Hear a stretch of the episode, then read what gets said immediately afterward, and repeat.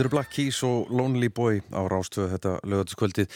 Gæstu minn Svanildur Holm er búin að koma sér vel fyrir hérna. Sælblessuð. Sæl. Herru, ég sendi þér 20 spurningar núna fyrir vikunni og er vist búin að gera þér lífið leitt. Þetta er búin að vera rosalega erfitt. Þetta er sko, ég veit ekki alveg hérna, sko hvort það er hægt að setja mann í mikið erfiðari stöð en þetta. Akkur?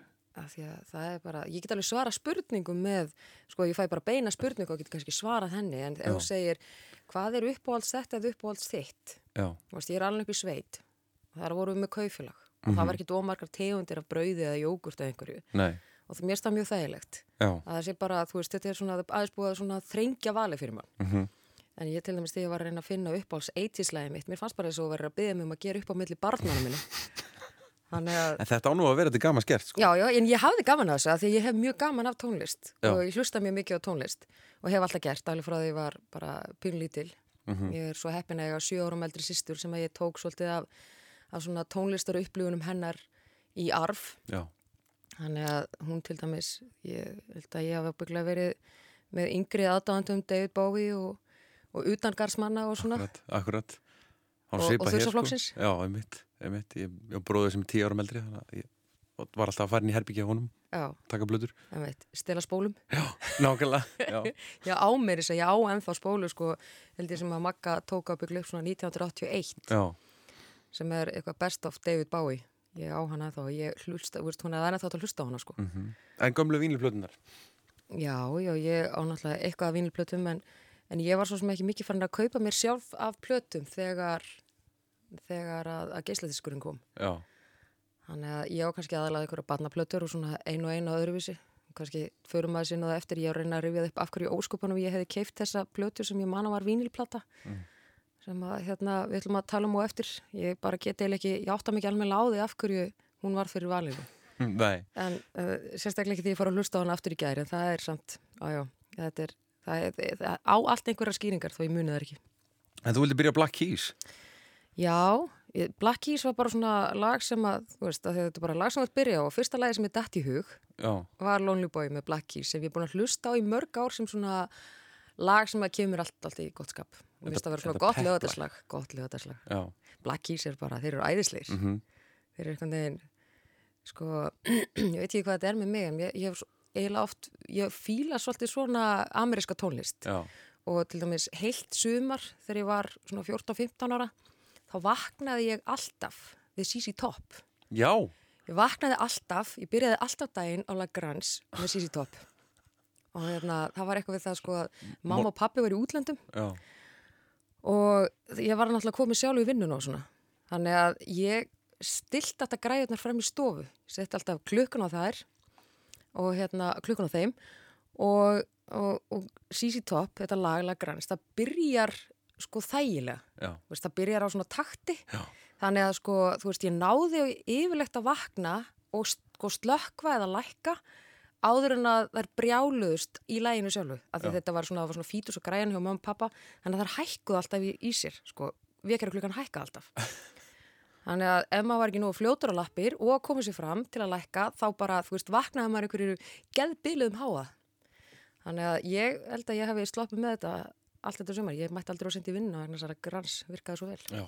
Glæslegt. Já, En fyrsta lagið sem þú mannst eftir að hafa svona hlustað á aftur og aftur. Mm, sko ég hef náttúrulega haft tilhengu til þess alla tíð að taka lög og, og hlustaðu algjörlega í drasl. Já. En það sem er mér kannski svona sem mann fyrst eftir að ég hafi hlustað á þannig að fólk í kringum með þjáðust verulega, það var Lullaby með Cure. Ég var eh, í framhalskólum á lögum Já. í Reykjadal.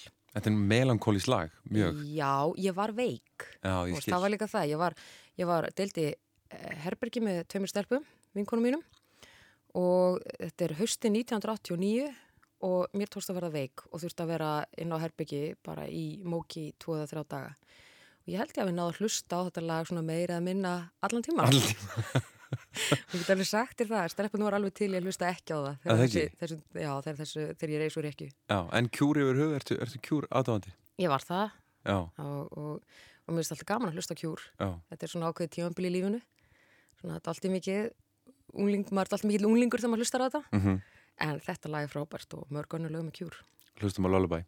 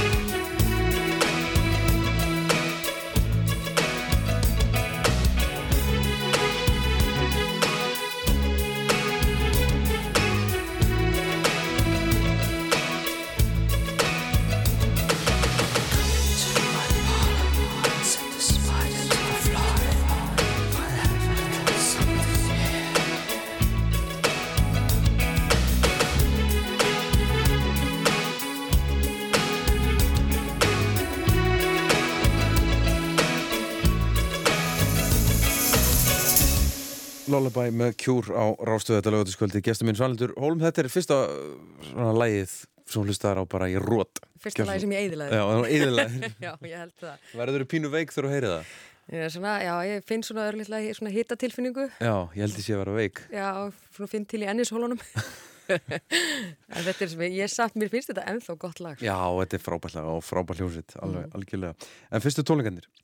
Sko, uh, ég held að fyrstu tónleikandir sem ég hafi farið á sem ég man raun og veru eftir hafi verið með, sko, uh, Kristján Jóhansinni Já, þegar ég var bann með mamma og pappa. já En ég, hérna, sko, ég man eiginlega ekkert eftir neinu öðru heldur en Kristján Jóhansinni og því að ég þurfti að fara að færa honum blóm í upplutt. Guð En hérna, sem að mér fannst alveg ágætt, sko, þetta var búið fínt. En, en svona eftirminnileg tónleika, svo fór ég náttúrulega á einhverja tónleika aðra, en til dæmis fór ég á tónleika með Meatloaf sem ég fannst svo ógeðslega leiðilegir. Já. Að, þú veist, það var alveg upplifun að sjá hann, en mér ennþá dag í dag finnst mér Meatloaf alveg ofsalega leiðilegur. Og þú veist, ef þú vilt vera ömulögum mig, þá spilar við Paradise by the Dashboard Light. Sammála. Ógeðslega leiðilegt, en allavega. E, svo, en ég hef náttúrulega farið á fullt af tónleikum sem eru æðisleir.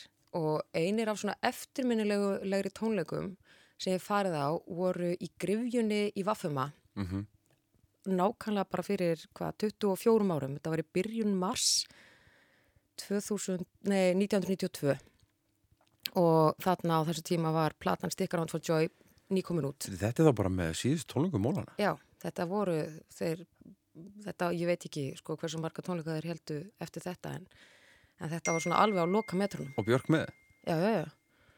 Og hérna, sko, þar sem, þar sem að var sko náttúrulega sérstaklega þegar grifjan er lítill salur mm og sko þau voru bara einhvern veginn í miðjri grifjunni og við allt í kring. Hvar er, er Grifjan bara í skólanum? Já. Já, Hún er bara, þú veist, þetta er bara samkomi salurinn inn í Vaffema akkurat og, og þetta voru einhverju menningadagar eða eitthvað sem voru þarna, Emma og Vaffema heldur saman og þarna voru tónleikar bara, gott að vera ekki bara á þriðutaskvöldi eða eitthvað. mm og við fórum bara svo sigurmáluna og ég var búin að vera móla aðdáðandi bara, sko, þú veist náttúrulega mér fannst kuklið æðislegt og þú veist, ég bara einhvern veginn hafði alltaf verið mjög hrifin á öllu sem Björk hafi gert. Og hérna um, svo ég tók til dæmis plöturnar, sko, ég hlustaði á afmæli mér fannst hún æðisleg, sko og einhvern veginn fannst mjög merkilegt þegar að, að ammæli síðan meikaði þessum börsta í útlöndum -hmm. og svo einhvern veginn sko kom eiginlega allt sem kom frá þeim á þessum tíma það er til dæmis mér finnst að hafa elst ótrúlega vel Já. þegar maður hlustar í gegna það Mhm. og til dæmis plata sem heitir Lifestook út sem kom út, ef mann rétt 1988 frekar en 89 88 um, ég hlustaði mjög mikið á hana ég var að vinna í lagsaverkinu þessum tíma þar sem ég bjó og var mikið því bara eitthvað að slá og keirum á dráttaölum og svona og ég var alltaf með vasatiskó á mér og heyrnatóli eirunum og að hlusta á Lifestook út. Já, og ég kann þessa plötu held ég bara ennþá næst við afturbóka áfram. Og, og þarna tóku þau uh, Deus já, af þessari plötu sem er meira áttur það er meira áttur upplifun einhvern veginn að veist, sjá og heyra lag sem maður hefur hlustað svona ofta á flutt af hljómsveitinni ég er bara í ein personu og hún er nokkra metra frá manni og þú veist, þetta er eitthvað svona mögnuð upplifið sem að sko lifir með manni.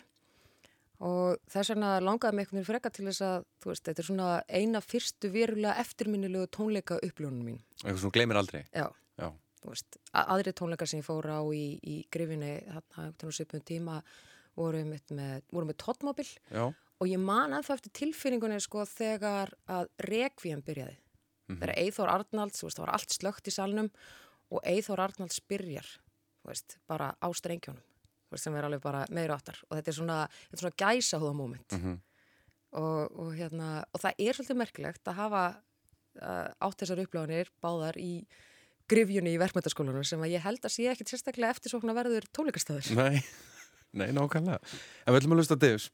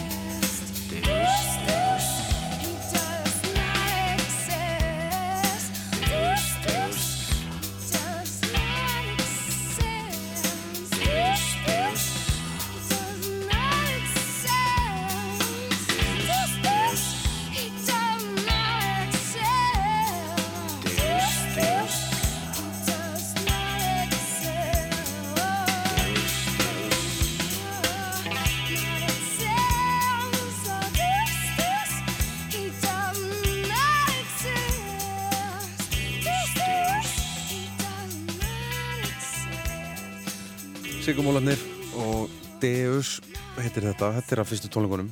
Og sæmilegt að eiga svona Sigurmólana Já, ég sá það aldrei sko, því miður. Nei, og ungur.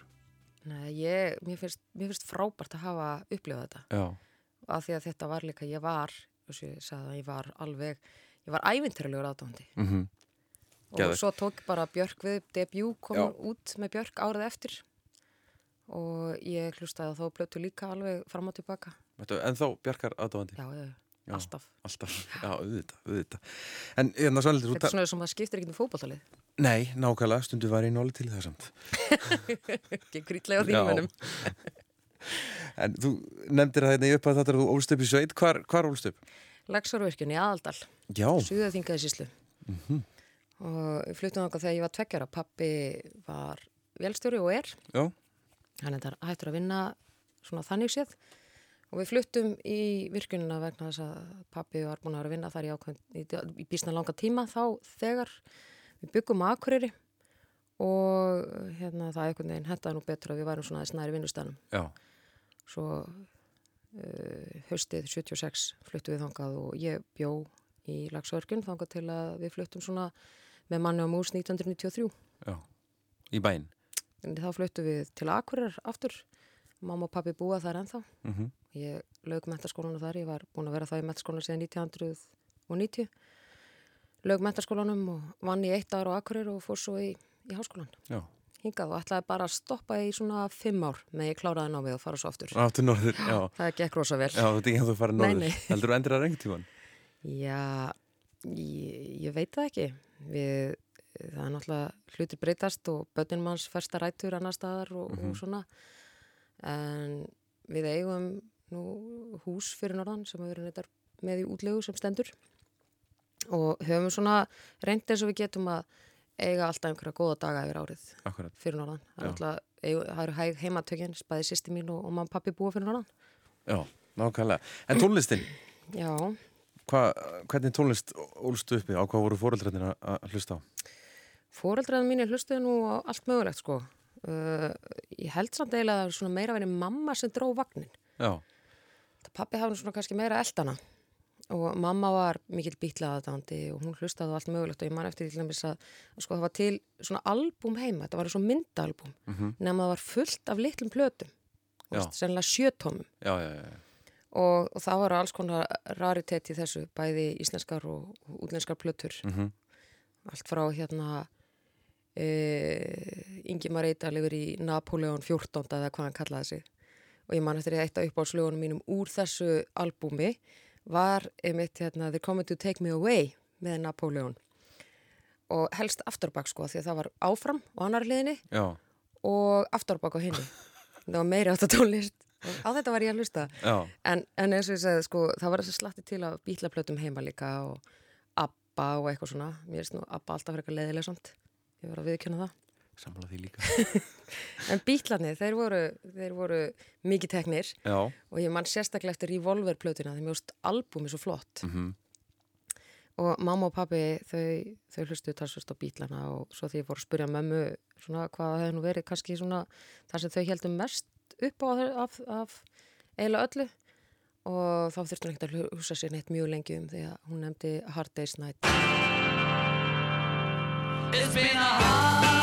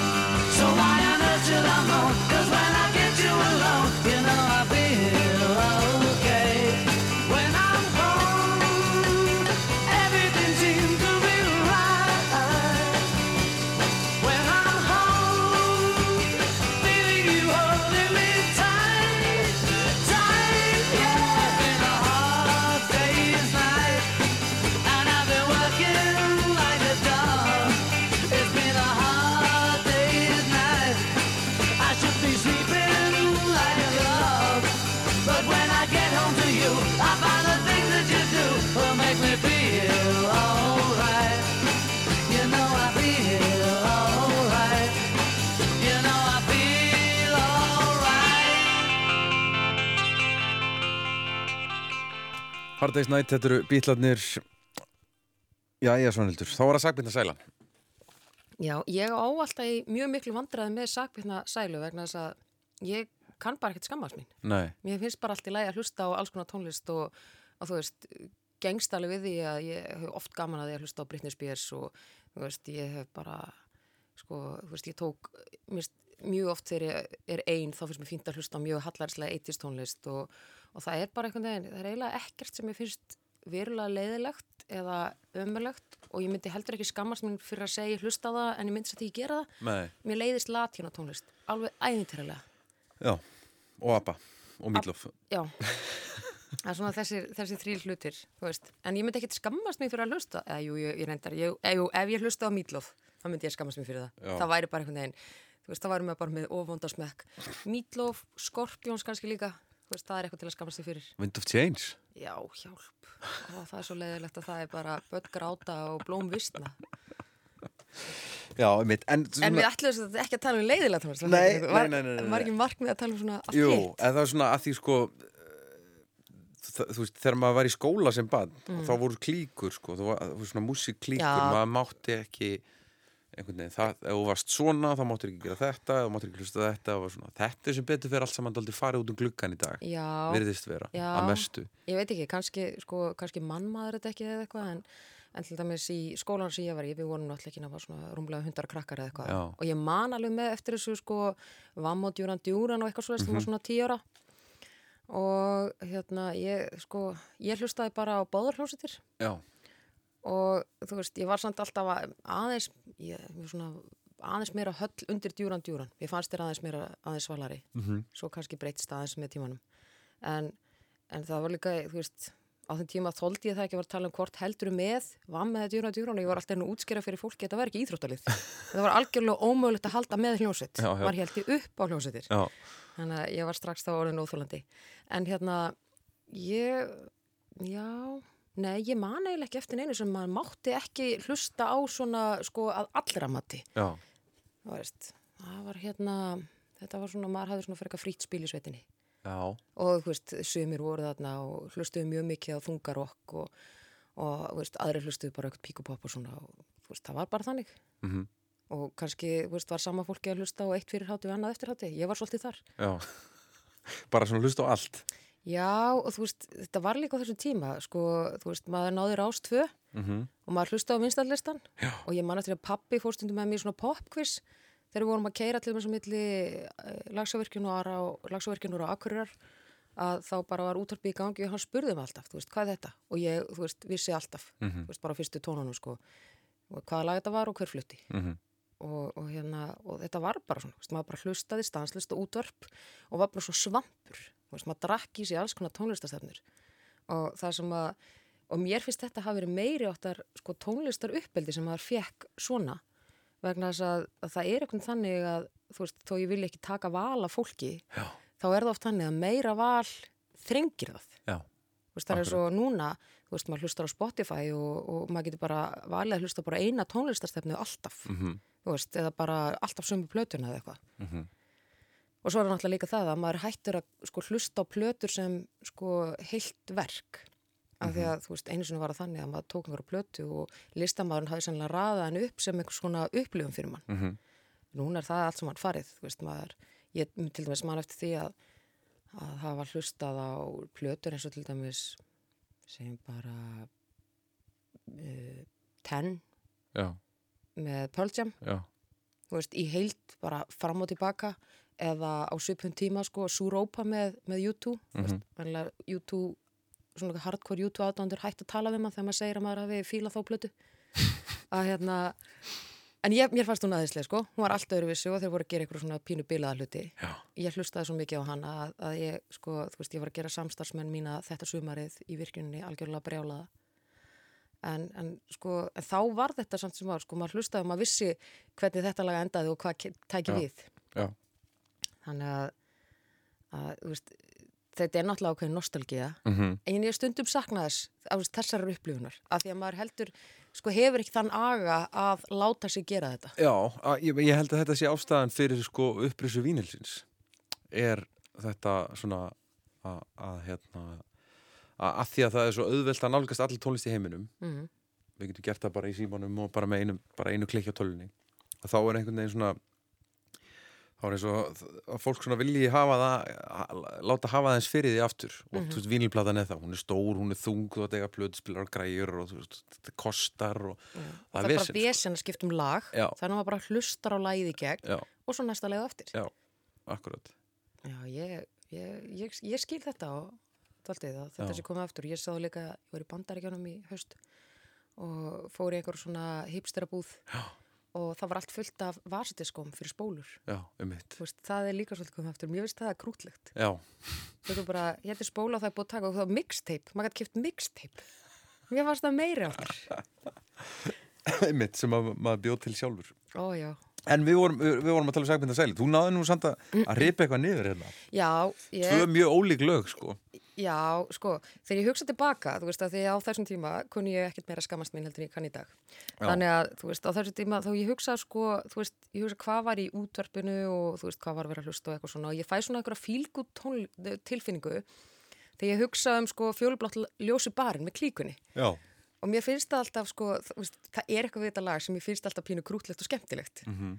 en ég held að það hefði samt sem maður ekki þótt sérstaklega svalta á þessum tíma. Nei, sérstaklega ekki sko, þú veist, það kemur út eitthvað 81 held ég eitthvað svo leis og þú veist, og ég minna það, það var ekki til síðasta skipt sem það var að spila sko, nei. En ég held að það hef ekki þótt neitt meira töff sko eftir þessum tíma til liðu en kannski er þetta bara miskilíkur hjá mér eitthvað bara, þú veist en allavega, þeir voru meina, klíkan var ekki bubbi og ego eða utangarsmenn eða, Nei, nei, eða neitt af því sem var svona með nefan loftu á þessu tíma, veist, meina klíkan var pottit ekki í Rokki Reykjavík. Nei Eins langt frá því og hægt en ég aftur á þessu tíma líka þú veist, þegar hérna, Kitty með Oxmo kom út þá hef ég sannlega verið tíu ára Já. að verða allu og Kitty var svolítið dónalegt lag þannig að þú veist, mann er leið svona pínu sem að vera að stelast til að hlusta það.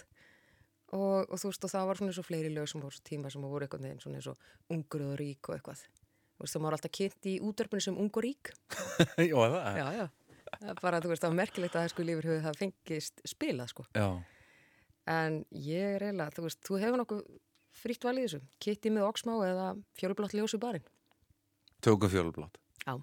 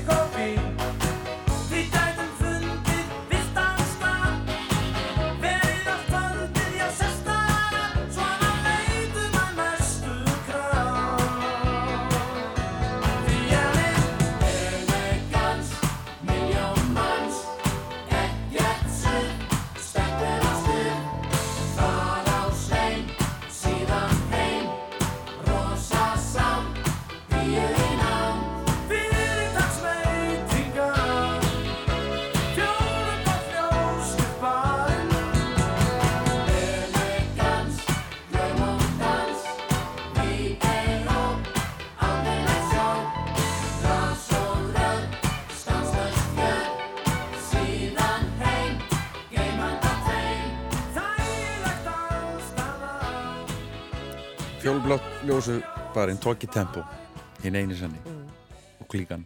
Þetta, Þetta er, þetta er gott lag. já, Það er- þetta er gott lag. Manni líður alltaf pínu vel í hjartanu. þetta er eitthvað svona lag sem íslenska þjóðin á Já, eitt af þeim, þetta er frábært lag já. Herra, nú er það þessi þrjú áratöðlög sem þú ert búin að bölva Sem að ég, þú veist, ég er bara vera með innantökur yfir. Já. Mér finnst það ekki smá erfitt. Já, þú ert alveg bara með tíu lög hérna í, í, í tíundu áratunum sé ég. Já, Förum ég- komum við því á eftir. Já, ég, það er bara þetta. Svo, veist, svo verður maður að velja.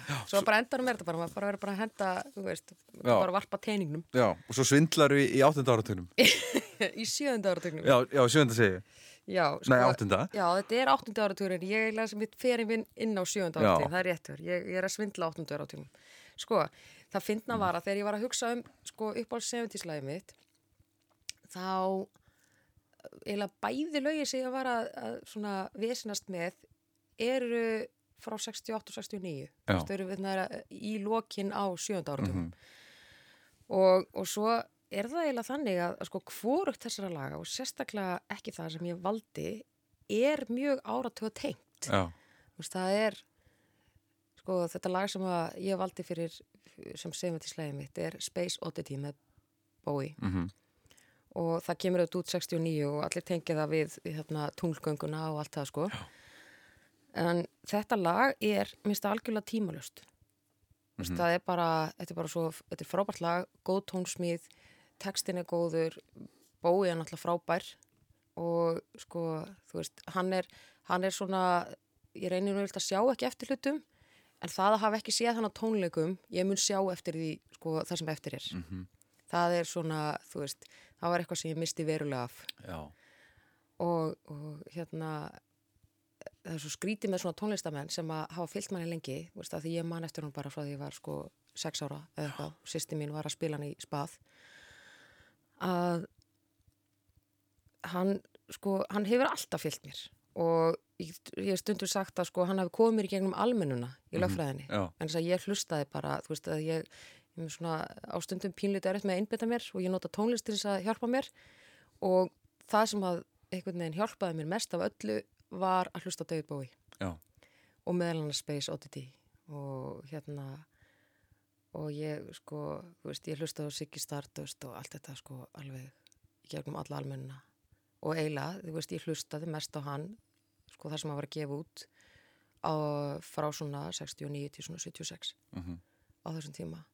Og mér finnst þetta ekki vera tónlist sem að er eitthvað sko, hún hefur ekki elstýtla þetta er Nei. ekki svona áratuga tónlist Þú veist, hún er bara tímalust In, Instant classic, Já, akkurat, það er það sem hún er. David Bowie.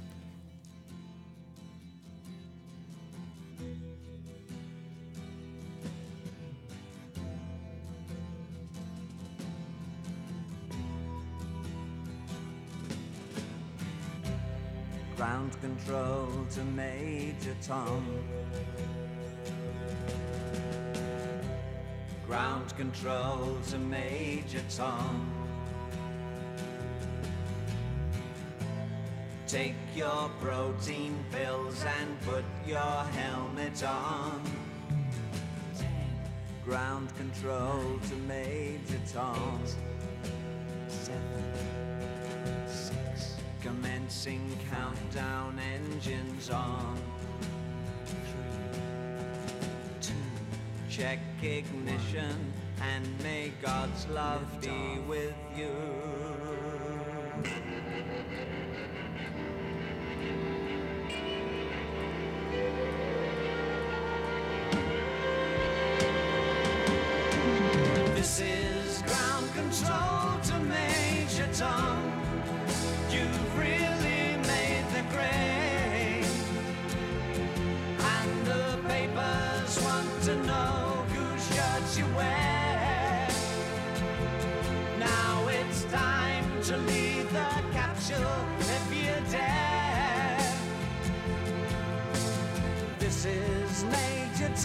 To ground control. I'm stepping through the door. And I'm floating in a most peculiar way. And the stars look very different today. For here am I sitting in a tin can.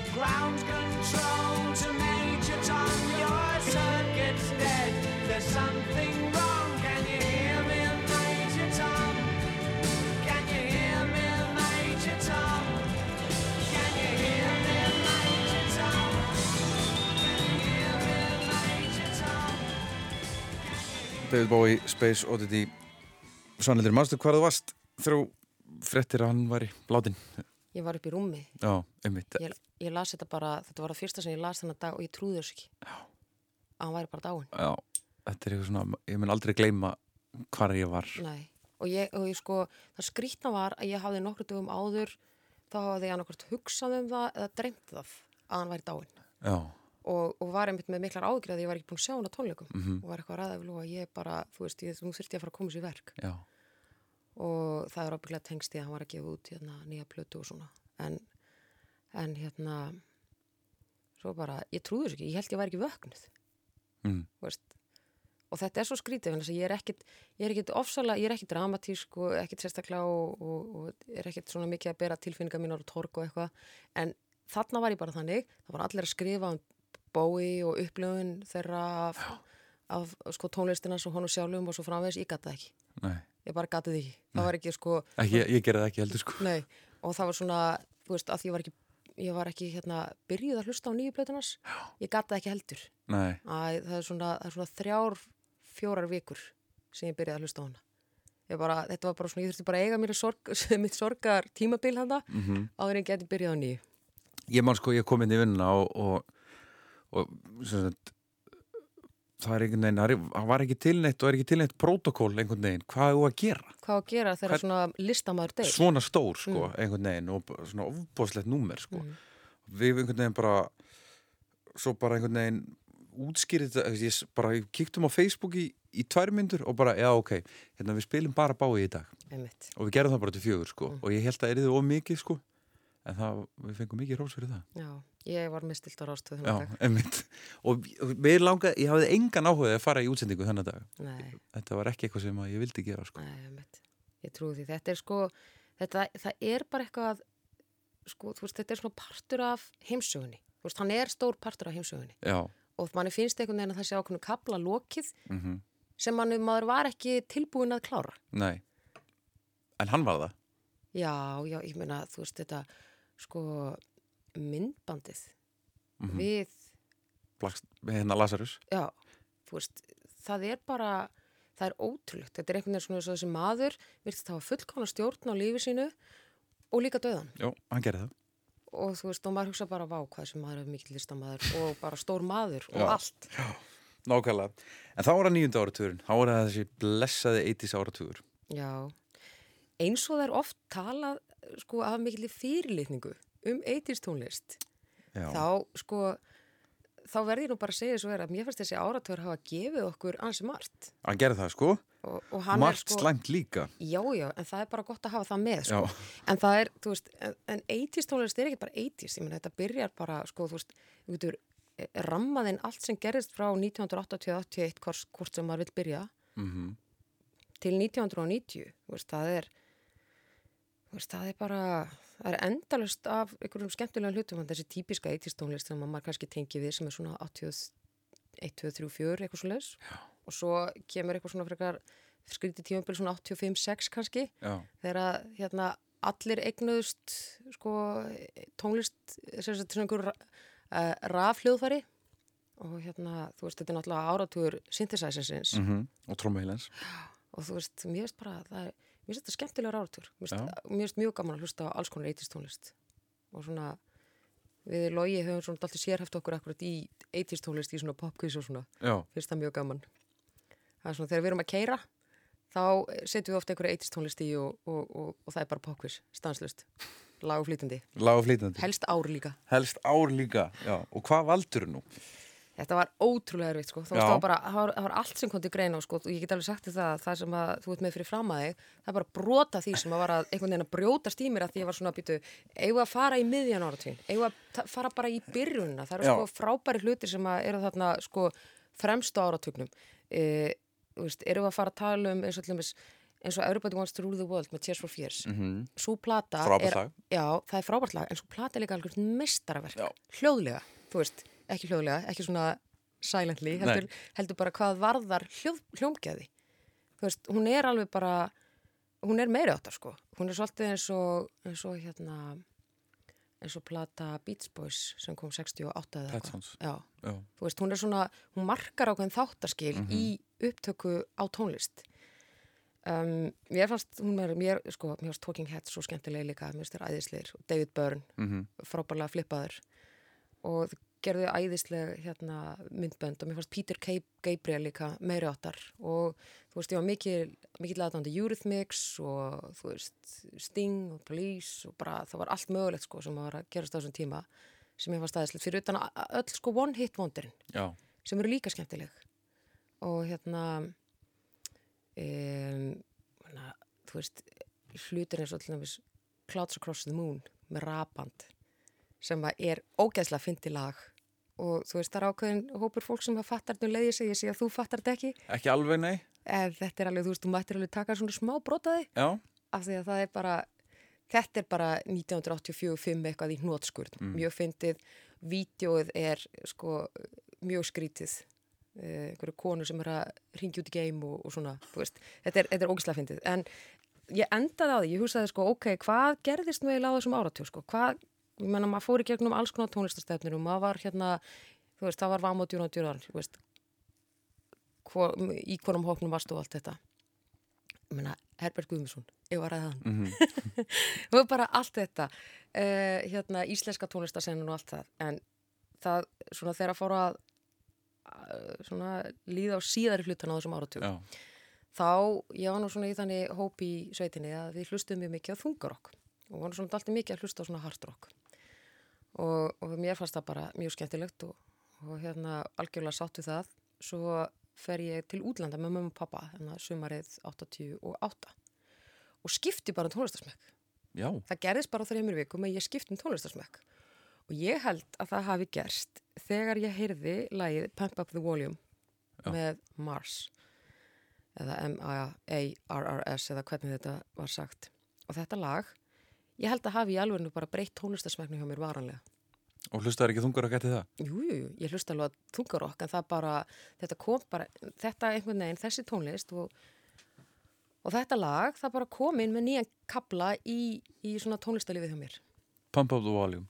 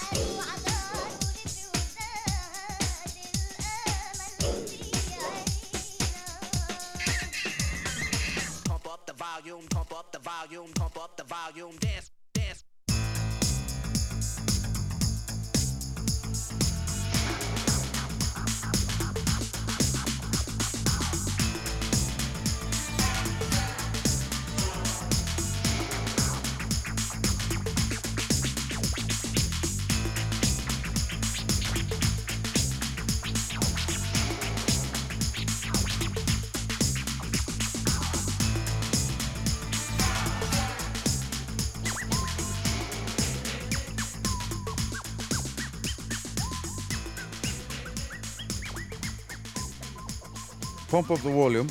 Og það var þetta að dansa við þetta? Þetta var nú svona mikið, mikið spilað allavega í, í minni félagsmiðstöðu í Hafnarverðinum Já, já, já. Ég, manu ekki hversu vinsalt þetta var þegar ég kom heim úr sumafrínu en mér fannst þetta allavega meira áttur og, og, og laði mér svona svolítið fram eftir þetta við að verða mér út um tónlist svona í, í, í þessum kantín. Og, og ég held að þetta hafi þarna eins og ég sagði að hann bara varanlega haft áhrif á tónlistasmækina mér. Mhm. Þá er það tíundu áratugurinn. Já, það er, það er annar eins listi sem hún kemur með hér. Já, sko, hann er náttúrulega alveg eins og, og sko, þú veist að taka tíu ára tímabili í tónlist. Já. og ramma það bara svona inn. mm Þú veist, það eru, það eru margir kaplar í, í þessum áratug. Og e, hann byrjaði nú einmitt þannig að ég var mikið að hlusta danstónlist á, á þessum tíma, eh, svona upp á 1990 -hmm. og mann eftir eftir því þegar ég fór sérstaklega og keipti mér sko disk með snapp þannig að það er rhythm as a dancer og the power og það var náttúrulega mjög vinsalt á þessum tíma. Og, og svo svona veist, mentaskólinn hjá mér er svona dálítið, hann, hann er alls konar en, en það er svona lag sem að veist, þegar ég heyri það þá fer ég alltaf beint einhvern veginn inn í möðró í mentaskólanum Já. og það er hérna Where is my mind með The Pixies. Mm og svo tók ég eitthvað tímabil þess að ég hlustaði svolítið á Morrissey og svona og Happy Mondays, þau náttúrulega komu til Íslands upp á 1990 og, og spiluði í MH Já, Nóra Gjallalunum Já, og, og það einhvern veginn gerði það verkum að þeir urðu allt í hennu svolítið vinsalega í Íslandi og mér fannst þeir meiri áttar. Og bara alls konar hluti sem maður var að hlusta á þessum tíma. Og svo sko þegar svona ní, eftir 96-7 eitthvað þegar þú veist Oasis og Blur og The Verve og allt það, þú veist, bylgjan að hérna, veist, það, hún, hún hafði náttúrulega mikið láhrif á mann. En ég var alltaf að hlusta danstónlist á þessum tíma líka sko. Og ég þyrfti eiginlega að fara þess yfir sko þennan áratug hérna, það lag sem að ég hlustaði sannlega mest á árið 2000 Já, var lag með grúvar mata. Já. Sem heitir At the River. Mm og ég held að sko, ég gæti alveg sagt að það væri 90s-lagi, það er það auðvitað ekkit þess að ég, þú veist, plata kom út 1999 og ég kefti hann ekki fyrir hann eftir rétt eftir áram á 2000 og hlustaði alveg æfinturlega mikið á, á, á þessu plötu og, og get ennþá hlustað á hana, mm -hmm. hann ennþá ótrúlega góð. Já, frábæð blada Já, og ég bara, ég á eiginlega allt sem grúvar mata hefur gefið út síðan þarna. Ekki bara hlusta gróma þetta þá. Mjög því ekki, ég var alveg, ég var, ég var næstíði búin að velja Bittersweet Symphony með Já, en það var meira svona dægurfluga. Grúvar mata fylgir mér ennþá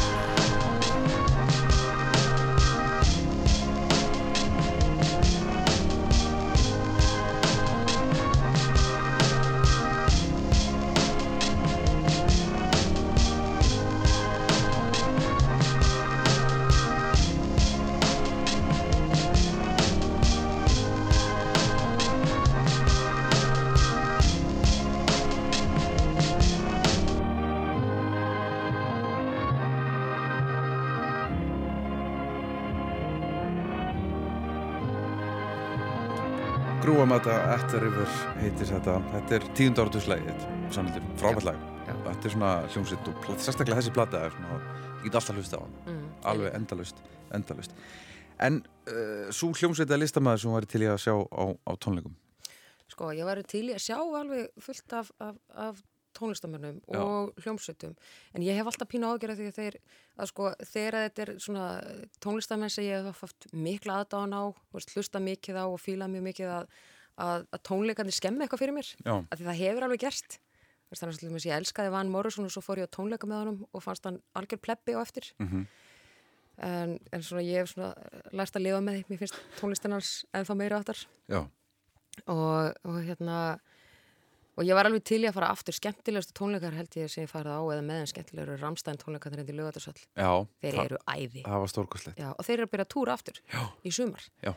Þannig að ef einhver er að fara sem er ekki, veist, sem við vantar félaga, þá má maður bara hringja láta mig vita, Já. ég er ekki verið sem veit ekki alveg, jú, logi myndi að láta sig hafa þetta. Ég held að, hann hefur gaman að en sko ég held að mm, da, sko stjúpdætu mín er alveg sjúkar það langar svo Beyoncé. Já, ég var alveg til í að sjá sko að ég var eftir leið hjá þú veist, en ég eh, ekkit, ég held að hann myndi ekkit bæta miklu við það sem að ég hlusta á Nei, sko eins og með Beyoncé, hún er svona gott dæmi um, um sko, ég myndi fara að sjá Beyoncé ef, ef, ef það byðist en ég myndi ekkit eldast við það, af því ég veit hvernig, hvernig tónleikar með henni eru, Mm. það er meira sjó heldur en, heldur en kannski konsert Mhm. og mér langar að sjá konsert, hljómsitt, Mhm. Mm.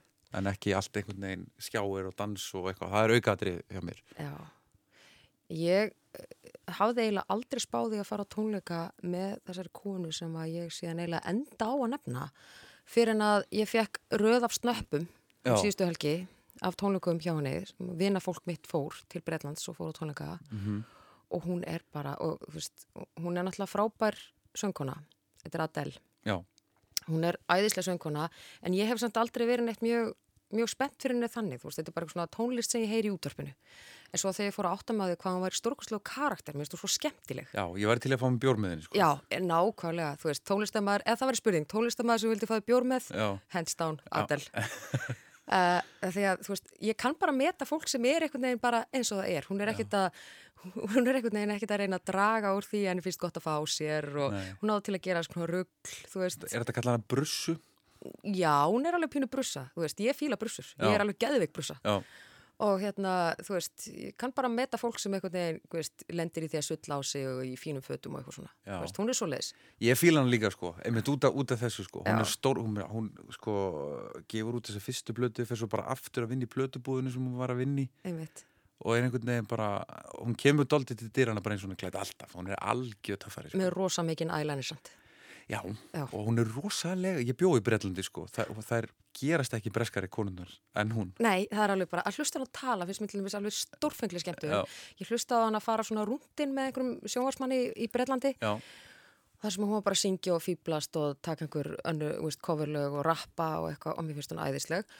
Og svo, einmitt, sko, hún hefur verið á Twitter en svo þurfti hún að hætta á Twitter um daginn og hún sagði bara, bara sorry, ég var bara að hætta, ég var alltaf svo full að týsta og það var bara vesen þannig að bara, ég ætla bara að taka mig smá pásu. Já, og þetta er svo skemmtilegt. Og hún er víst og ég sá það á þessum tónleikum og það vina fólk mitt sagði mér það sko að, að þetta hefði verið svolítið eins og að fara á uppistand. Já. þú veist að því að svo syngur hún eitthvað brjálaðislega dramatísk lög og eitthvað. Mhm. og er svo bara alveg æðislega fyndin á milli. Og ég er að væri alveg, ég var alveg til í þetta. Þetta var svo, þú veist, hérna, já fara á góðan uppistandara sem syngur líka alveg svakalega vel. Já, hlustum á Adele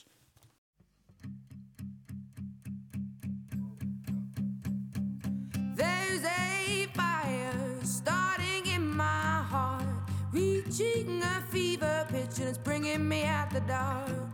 Finally, I can see you crystal clear. Go ahead and sell me out, and I'll lay your bitch bare.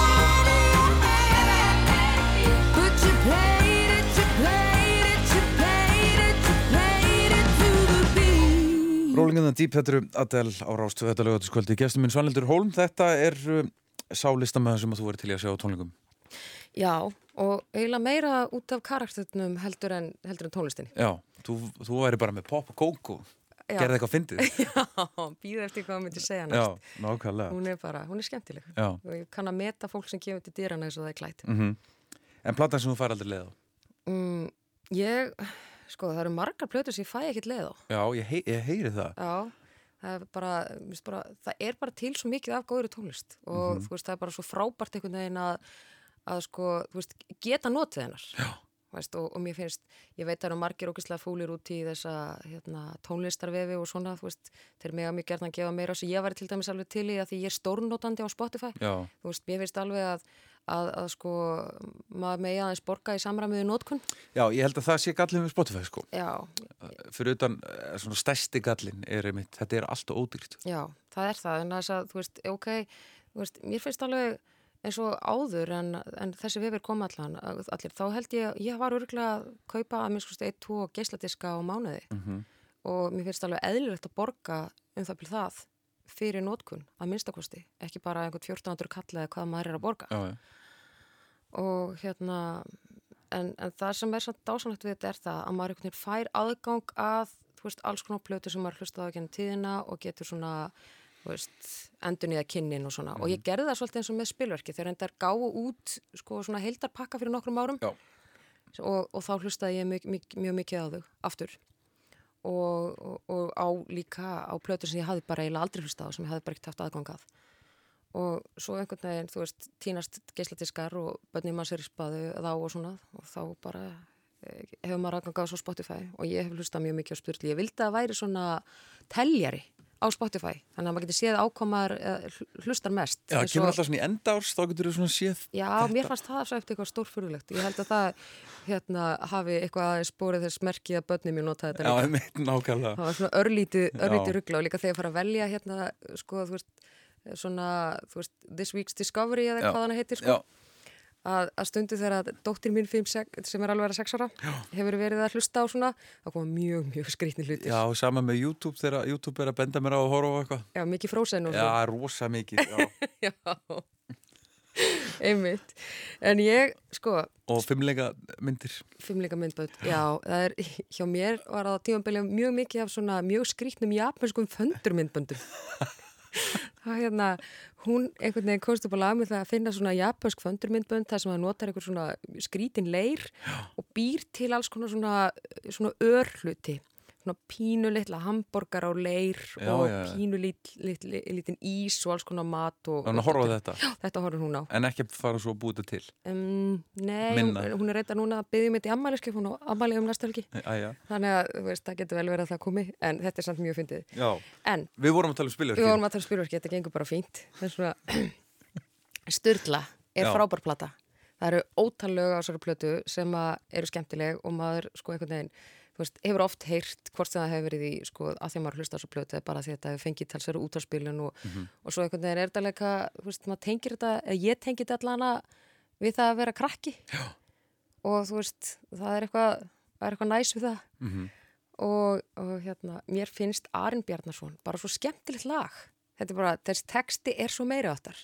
En það er, það er bara alls konar hlutir á þessari plötu sem eru skemmtilegir, þú veist, eins og hérna, ég dreg frá sem að fólk skilur ekkert, en þú veist, það var til svona sjónvarp heima á mér, að það var, sko, þú veist, ég dreg frá, það er þegar ég dreg frá sjónvarpinu. Já, En þess að sjónvarp, svartkvötu sjónvarpin kom oft í svona kössum. Já, einmitt. Og þau voru bara í svona einhverjum aðeinsla fínum sjónvars, tech sjónvarskossum eða eitthvað. Og til þess að geta hort á sjónvarpi þegar fréttina byrjuðu, það var draga frá. frá. Já, og, hérna, og það til dæmis kemur upp á einu lagi á þessari plötu það er, Ég hef einmitt heyrt sko eldar fólk segja dragðu frá sjónarbyrnu já, akkurat.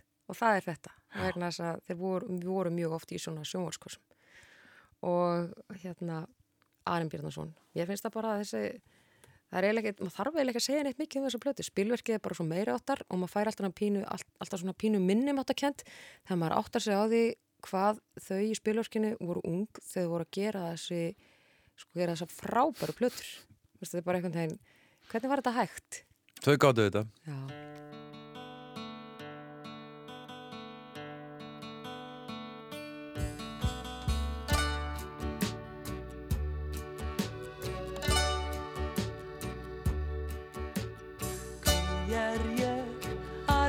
Bjarnarsson En hvorki kút nér sjutt sem þú á númer 13 Í sömu göð og ég. Í sama hús og ég.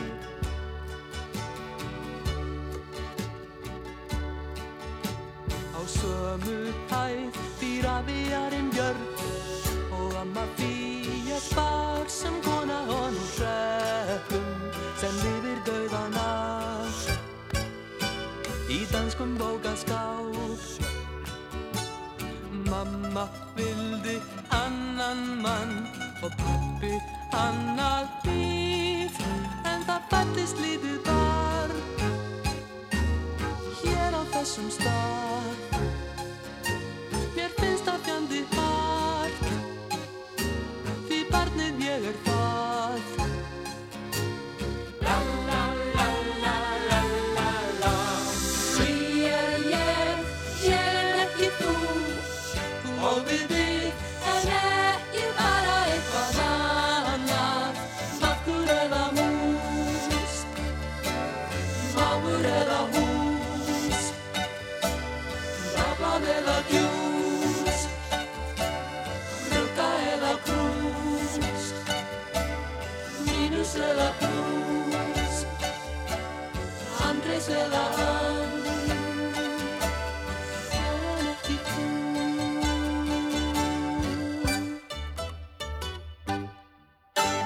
Arinn Bjarnason með uh, spilverkinu hérna á Róstu þetta lögutskvöldið. Jæja, Svanlítur, það var fyrsta platan. Já, sko ég átti náttúrulega einhverja plötur áður en að ég eignast þessa plötu, þú veist, sem að mér hefur verið gefnar. En, en þetta er svona plata, þetta rifjaðist upp fyrir mér. Þegar ég var á Húsavík í vikunni og, og hérna, það rifjaðist upp fyrir mér að ég hafi farið í, ég held að það hafi heiti hljómdeild káþótt eða eitthvað, eitthvað álíka. Það var allavega, það var eitthvað svona fortfálegt. Uh, söm, sama hús og byggingavörudeildin var og þar gæti maður keft plötur. Já. og þanga fór ég og ég held að þetta hafi verið haustið 1988 ég hef verið 14 ára. Og mér er eiginlega alveg fyrirmunið að skilja af hverju ég varða að eignast þessa plötu en ég man að ég þurfti að gera það. Og það hefur sennilega verið vegna að það var eitthvað remix af, af uh, Rise to the Occasion sem að var svolítið spilað í útvarpinu á þessum tíma sem að ég þurfti nöðsynlega að eignast. Og það var ekkert hægt að gera það öðru seldur en að kaupa plötuna. Mm af því að þetta var, remix var eitthvað of flippað Já. til þess að ábygglega spila í útvarpi. Og ég kefti þessa plötu með Climby Fisher og ég hlusta það hún í gær. Hún er ekkit spes. Það er bara að segjast eins og er.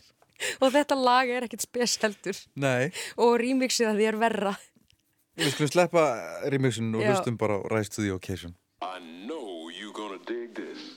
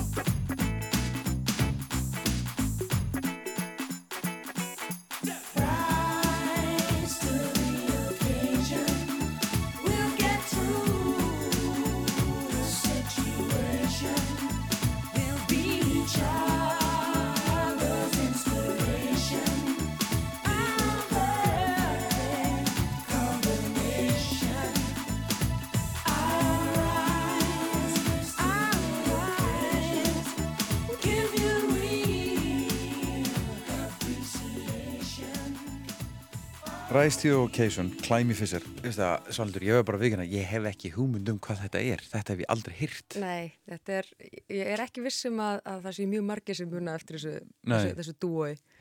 En, en hérna, það var eitthvað sem gerða verk. Mér þurfti að eignast á, á þetta á þessum tíma og, og svona er þetta bara. Kanski þetta sé hérna hinn raunverulega sakbytna sæla sem ég geti játt. Já, uh, já, Þetta er alveg glatað allavega. já, já þetta, er, þetta er sérstakt já, já, en það er eitthvað sætt við þetta. Já, já, kvikmyndatónlistin Já, um, ég ætla ekki að, að, að, orðlengja það neitt. Uh, það er eitt lag sem ég finnst einhvern veginn bera alveg höfuð og herðar yfir, sko, þú veist, að því að kvípundatónlist, hún getur verið stór og þú veist, þetta er svona, þú veist, hvort sem maður er að tala um, sko, einhver ákveðin lög sem tengjast bíamöndum eða, eða bara svona einhver hljóðheim og svona, þú veist, einhver, einhver svona, e, veist, það er svo mikið til þess að velja úr og ég meina a- allt mögulegt sem að maður geti nefnt en uh, ef maður bara hugsa um einhvern lag sem að sko, mann finnst alltaf gott að heyra Já. að þá er það We have all the time in the world með Louis Armstrong úr On Her Majesty's Secret Service Þetta er bondlag Já, þetta er bondlag. Þetta er mjög, mjög sérstakt bondlag. Þetta er mjög úr karakter við bondlag eins og þau voru á þessum tíma. Mhm. En það má líka segja það um þessa mynd, On Her Majesty's Secret Service, að, að hún hafi verið úr karakter við aðrar bondmyndir. Þetta er skrýtna bondmyndin með hérna, það sem hann giftir sig og gerir alls konar hluti.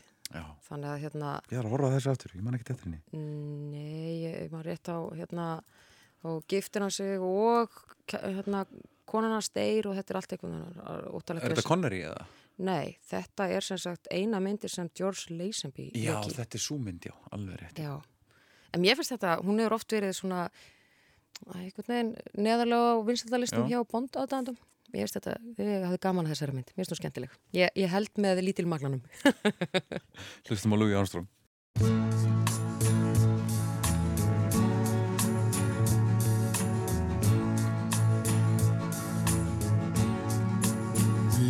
have all the time in the world. Time enough for life to unfold all the precious things love has in store. We have all the love in the If that's all we have, you will find we need nothing more. Every step of the way will find us with the cares of the world far behind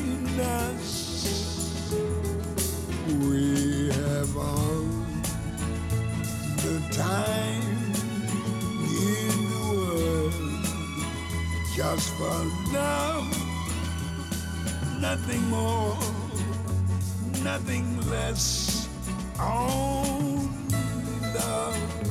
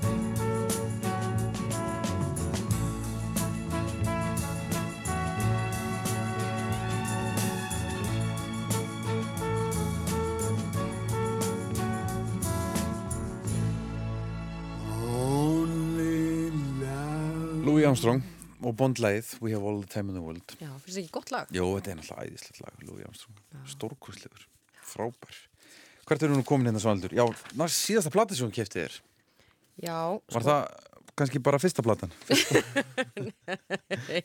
nei, nei, ég kefti mér nú fullt af plötum eftir ég kefti þessa frábæru plötu þannig með Klæmi Fissir. Já, Um, sko, það er, þú veist, að því maður er eiginlega, ég veit að þú ert ennþá að kaupaði plötur, að því þú ert fann að kaupaði vínil aftur. Mhm. Ég, eh, sko, plötuspilurinn okkar er út á Kaffi Vest, held ég.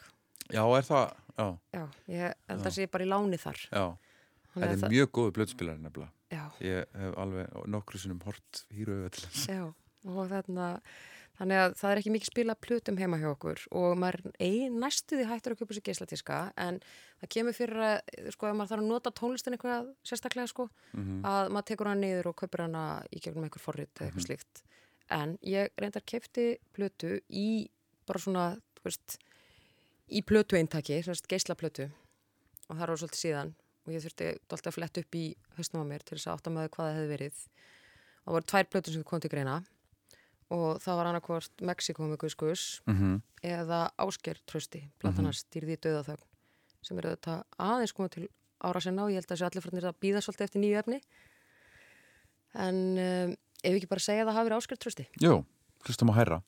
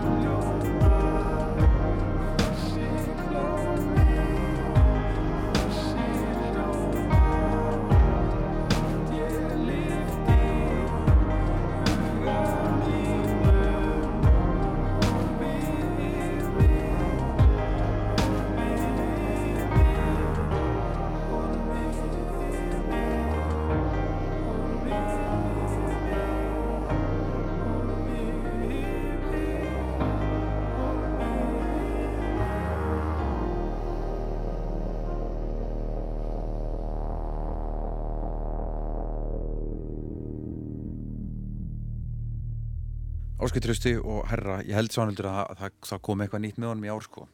Já, er það ekki? Jú, það er orðið á gödunni sko. Já, ég, Hvenar nei, ég las eitthvað um það að hann hefði mitt verið í stúdíó að taka upp og svona, var eitthvað minna túra. Mhm. en ég býð spennt, mér finnst hann æðisluður Þá er það að margramæti erfiðasta og leiðilegasta spurningin. Íslenska leið Já, ég ákvað í uppáhalds íslenska læginu mínu þegar ég var búin að kvæljast mjög mikið yfir henni að hugsa þetta ölliti abstrakt. Já, ég er að fatta það núna að þú löffræði mæntuð Mhm. Ég hefði þetta orðað þessu spurningar fyrir löffræðing Ég bý með löffræðingi sko Já, einmitt. Þú skilur, þú skilur alveg Já, hvernig við, alveg við virkum. 100% sko, 100% sko Þú tapar ekki reyfildum Uh, helst ekki, ég ætla að reyna að forðast ef ég held að þessi hætt á því að ég geri það. En uh, já, þetta uppáhalds íslenska lag mitt, sko, ég hugsaði svona að ég þetta þyrfti eiginlega að vera lag sem væri svona eins og fulltrúi fyrir uppáhalds íslensku lögum mín. Segir löffræðingur Akkurat. En, en það er, uh, sko, mér alltaf finnst þursaflokkurinn æðislegur, mm ótrúlega skemmtilegur og uh, hann, þetta er eitt af þessu sem að ég tók í arf frá sýstu minni. -hmm. og mann eftir að hafa hlustað þetta í gegnum veggin þar sem hún var að spila þetta ofhátt í herbygginu sinu við hliðin á mínu. Alveg sem að gera það með rúlingur. Ég er 6-7 ára eða eitthvað, Mhm. sennilega 7 ára. Og uh, það var eitt lag sem hún spilaði oft sem ég miskildi stórkostlega. Og ég var, held ég bara, orðin fullorðin áður en ég áttaði mig á því að ég hafði öll þessi ár miskili textan og mér finnst það bara svo skemmtilegt. Þetta er, einhvern veginn, þetta skemmti lægið ekki á nokkuð hátt en, en þetta er sérst lægi pínuritill kall með þursafloknum og mér fannst alltaf eins og vera sagt hérna takið af hann um stór eirun og ég og ég, veist, ég var sjö ára eða átta ára eða sex ára eða eitthvað þetta var þetta er, ég kom út 82 þannig ég verið sjö að verða átta og mér fannst þetta ekkert skrítið Mhm. takið af hann um stór eirun Mhm. Þú veist, þetta lag er bara, þú veist, mjög spes Já. og þetta gæti alveg verið eitthvað svona pínu surrealísku tek- texti. Pínlítill kall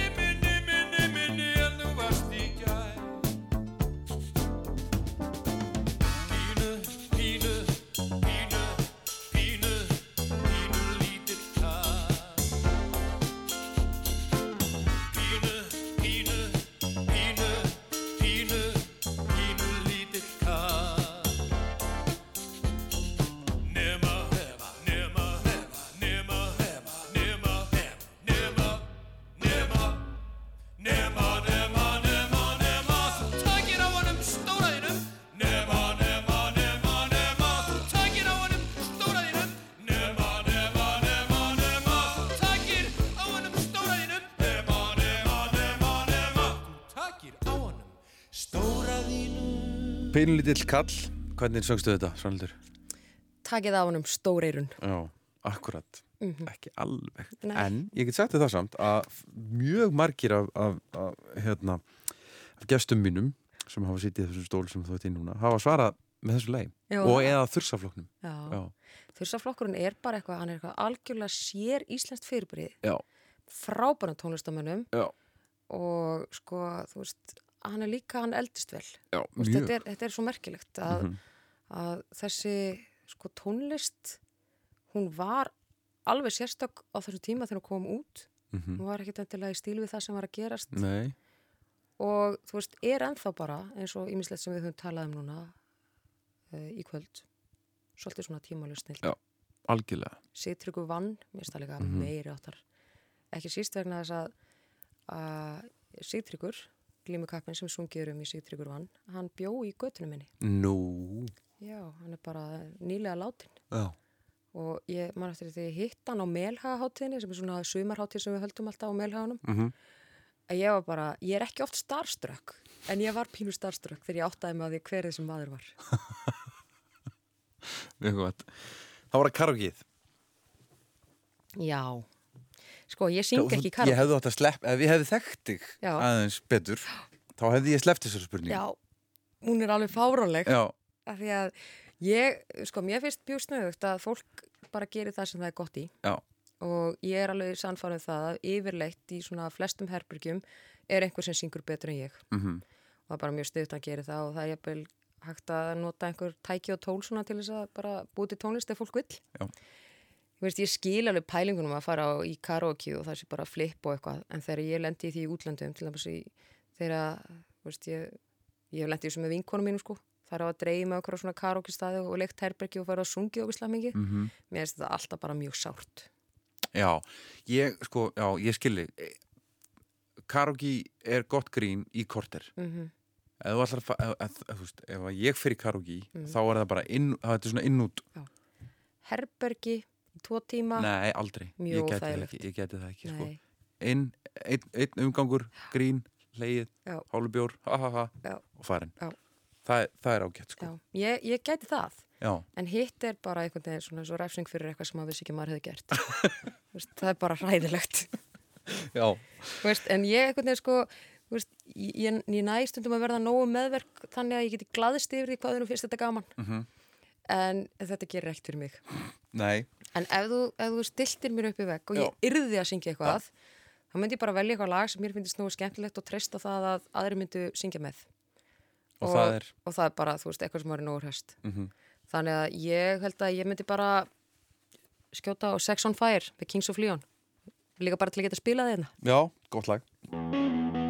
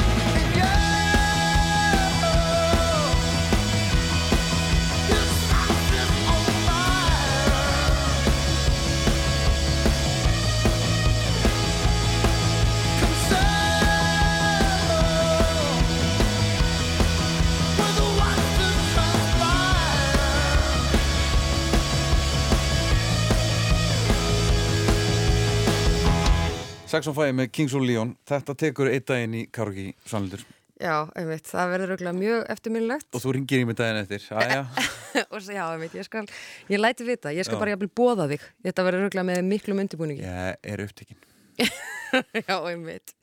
Ah, á, ég ekki, að lega herbyggi fyrir þig Nei. þess að syngja karaoke með mér.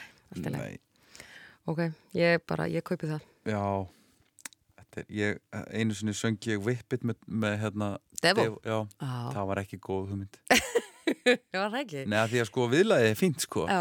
En svo er hann bara með rítgerð þarna í, í versonu sko Það Já. er vonlust Já, nei, það er auðvitað mjög erfitt, en það er skemmtilegt lag. Já, frábært lag sko Já. En ferðalögin Uh, ég hlusta bara allt mögulegt þegar á ferðalögum. Það fyrir svolítið eftir stemningu, þú veist, hvort maður er að keira eða fljúa eða eitthvað annað. Um, en þegar ég, finnst mjög gott, ég elska Ólaf Arnalds. Já. Mér finnst hann meiri áttar og mér finnst samstarfi í honum og Arnari Dan vera frábært. Og svo líka, veist, uh, það sem hann er verið að gera sem kjasmus mm með hérna Dráknur blódgrúp, bara fyrirgjöði, ég man ekki hvað hann heitir akkurat núna. Já, það er eitthvað heila frost hjá mér líka Já. Hann er, hann er færingurinn í, í Blood Group Hann er færiskur og Já. hann heitir Ég maður það ekki Maður á náttúrulega að vita þetta. Já, um, aðja, ég vona hann fyrirgjöf okkur Já. alveg, þú veist, bara ótrúlega mikið að muna þetta ekki. En Kiasmus já, kiasmás, ég er sem sagt með kiasmás í símanum hjá mér, ég er með það svona þannig ég get hlustað á offline. Mhm. í, á Spotify. Og mér finnst þetta bara, þetta er nóðalegt þetta er góð tónlist og hún virkar hvort sem maður er í ræktinni eða emitt í ferðalagi og, og það er alveg jafnvel hægt að sopna útrósu Já. en maður hefur þetta ekki of hátt. Og það er hægt að dansa þetta líka. Já, já, já, það er hægt að þetta er svona þetta er tónlist fyrir öll tækifæri. Kiasmus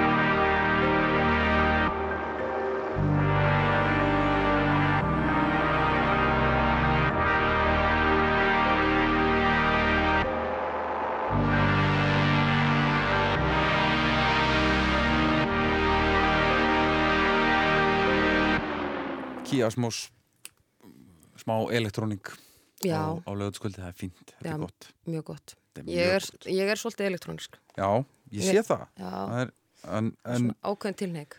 en þú veist með góðan smekk sko Já, þakka þér á, fyrir. á, þú veist mann, sumir eru með góðan tónlistsmekk aðrir ekki, en já, það er svona elektrónik er ræðið aldrei ríkjum Já, ég er svolítið höll undir hana. Já. Ég finnst bara, þú veist, hún er, hún er skemmtileg, það er mikil þróun í henni og mér finnst bara gott bít er gott. Mhm. Það er bara þannig.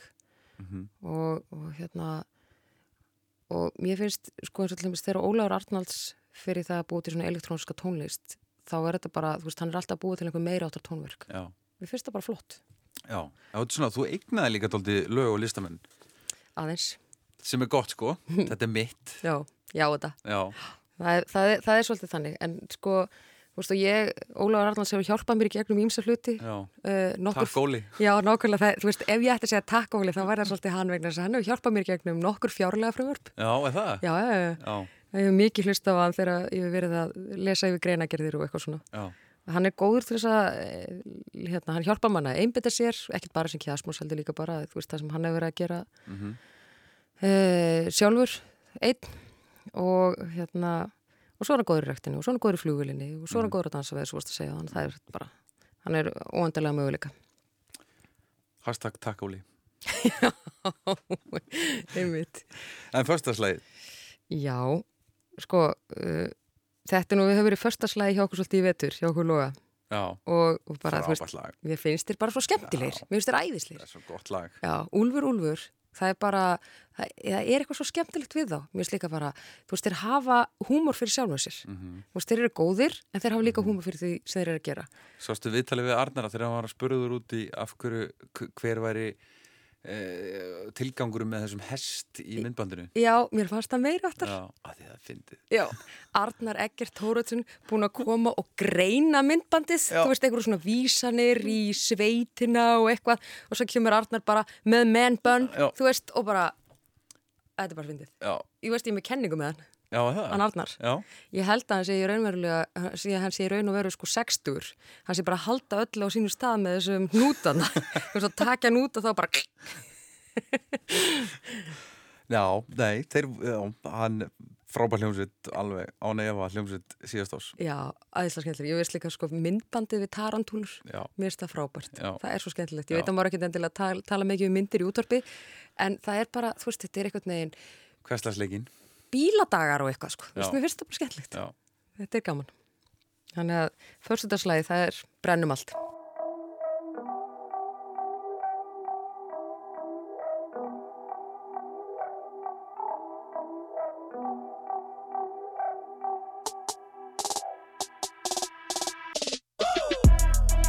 Þúsundir sála með ólíka draumar að gengin er eins Sammegin þó að hverju er tristir og smegin og reik Þarf ekki neytið með dreymir um meir Töntir er deit Eitthvað sem veitir frið og ró og glemurstu leið. Hvað er það fokkin frétta bra bra En fann á keimsendi, veit ekki. Sendi til annarkort SMS eða reitmerki Náttúru skóld sem að ekki eru steipu Hangi með ómögum bitum og bleiðum Skerið þið svo gott sem fullkominn heimi Svo lengi sem ég haka mér er svo heigull ah, Seitandi kryddpíur og bílar Kaupið með minningar á tíkar Lífið er titlingur og píkar Snælandi snilt í augum ríkar Guðblessi biblíur og íhald Hef ekki tíma til að flýja. Ég er að keep it real og chilla. Ah, Þetta er bad shit Hann getur erfitt Leggur að eldi. Geimi mig inn og kleppi Kongar og kókaín. Tilbyðu ljótan krokodíl Fólk er tínt en ekki fíl Óreiðag og romantík Tík Náttúru undir og tungliði slif Litríkustu, túristanir Langfengur negast í kúlur að sinn Þið getið auðvitað lúpaði mig. En þá mun ég rífa mér umlegjandi Úlfurinn trúir og tunglið og sig. Ráðvelta úling og tungum á lið. Við eigum all, við erum smart. Okkur er samt, alltaf svo kallt Sumar er bjart, annars allt svart. Allt í sér lagt og ég kallt á það. Þrettir og motherfuckerum og kommentakerfum Og forrikunderum og legum og prentum Og menningu sem kynir okkur ekki vita neitt. Þeim að penningin að vinna það sem aldrei getur kýft Djöfull ert að rotna innan. Því svarta hjart er enn að tifa Og ég þarf bara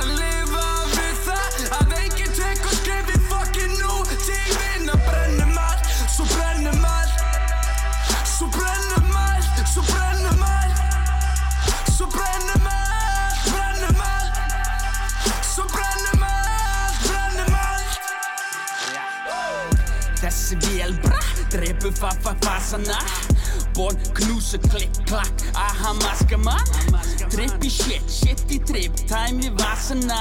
Illuminational Stalman kan få lasana Hönnu bit í lögguna Tvæ stjörnir ló með gasana Drags með axli kasta kossi Mon og non og passaran Síðan skín sól Fór sendu breytast. Brett segi fuck it önni Farinn að þreytast AK, klikk, klakka Kjötið er reytra Þú elskar því svo heitt En ég skal elska því heitar Vil elska því jafn heitt og Boko Haram. Ayahuasca drekkum kókó saman. Ey, jó, prestur, sér að minn Er synd að sjóða hattar hann í te og gera hér að minn. Meir eins og leir, heit, heit, verð, gera mig. Ælæn er og nefni gudd og fyrkt að við að skera mig. Kjallegs byrnir hilli við og motherfucker spila sig. Senum og bitch, vantar eitthvað til að killa við. Róma sviði blóm, blóm og motherfucking hverali Guillotine og gapastokk og motherfucking týrani I er emotion og marana, kannski eru það bara motherfucking steratir Vellun að klæða hvað búningu pentin í mamma til öl og þeir bera sig Í það fól við líka hóttunni mót og hvað skildi það motherfucking gera til. Svakandi fuckandi réttin og sett upp að græstunum fast hann að vera svik Djöfull ert að rotnað innan Því svarta hjart er enn að tifa Og ég þarf bara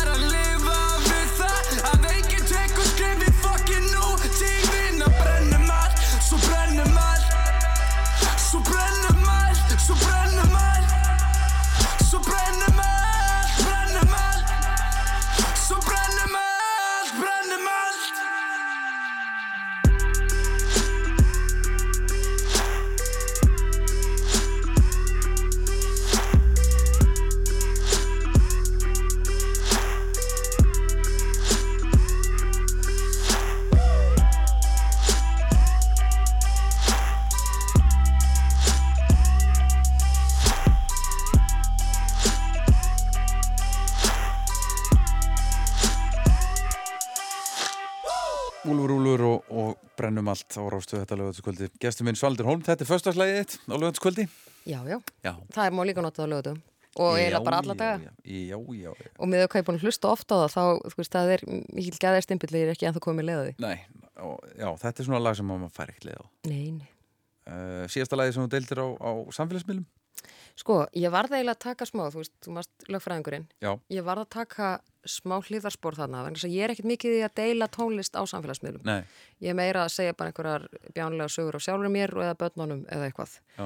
og ekkert mikið að deila einhverjum hlutum en það er sko ég er stundum að senda fólki tónlist Mhm. og ég er í svona skemmtilegir grúpu með nokkrum svona sem að, þar sem að við þegar við dettum niður á eitthvað sem er skemmtilegt að, að þá segja, hei, kíkt á þetta þú veist Benedikt Gíslason er til dæmis einn af þeim sem hefur svona mikið verið að hjálpa okkur við að losa höft Mhm. þegar við höfum þurft að fá svona góða kvíld frá haft afnámi þá höfum við verið að deila tónlist en það síðasta sem ég sendi einhverjum var núna í vikunni þá sendi ég yngimundi þjálfaranum mínum playlista sem brasilískur pródusent á þetta er hérna Tomorrowland playlisti Mhm. á Spotify og ég var þessum hvort að við myndum ekki bara spila eins og eitt lag af þessum playlista sem er mjög skemmtilegur. Mhm. þessum lagalista.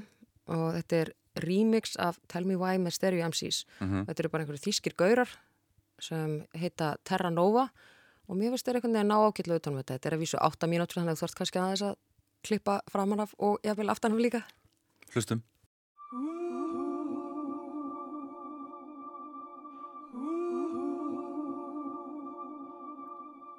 Tell me why. Tell me why.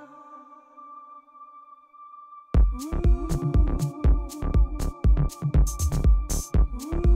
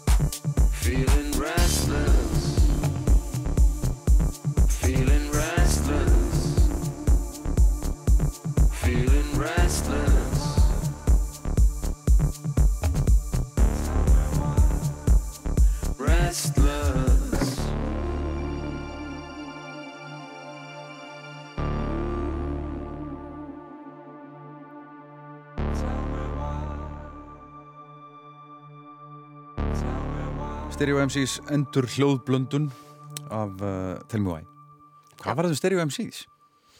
Connected? Mm, ég veit ekki, það er ekki bara freðinast yfir sig eða eitthvað, ég veit ekki.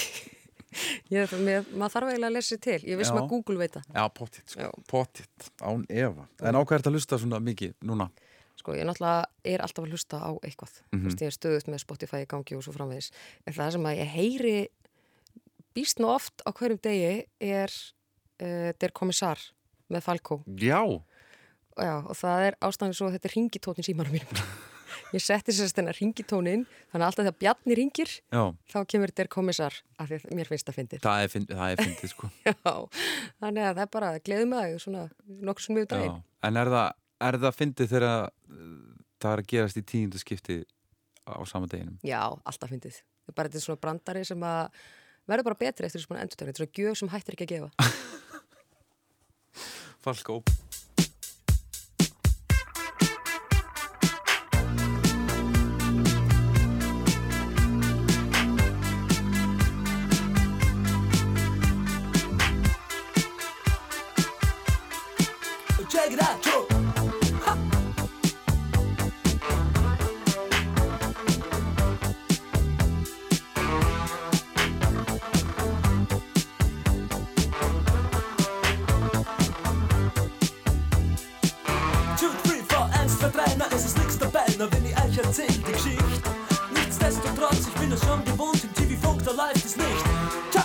war jung, das Herz so rein und weiß und jede Nacht hat ihren Preis. Sie sagt, to the sweet, you got rap to the heat, ich verstehe, sie ist heiß.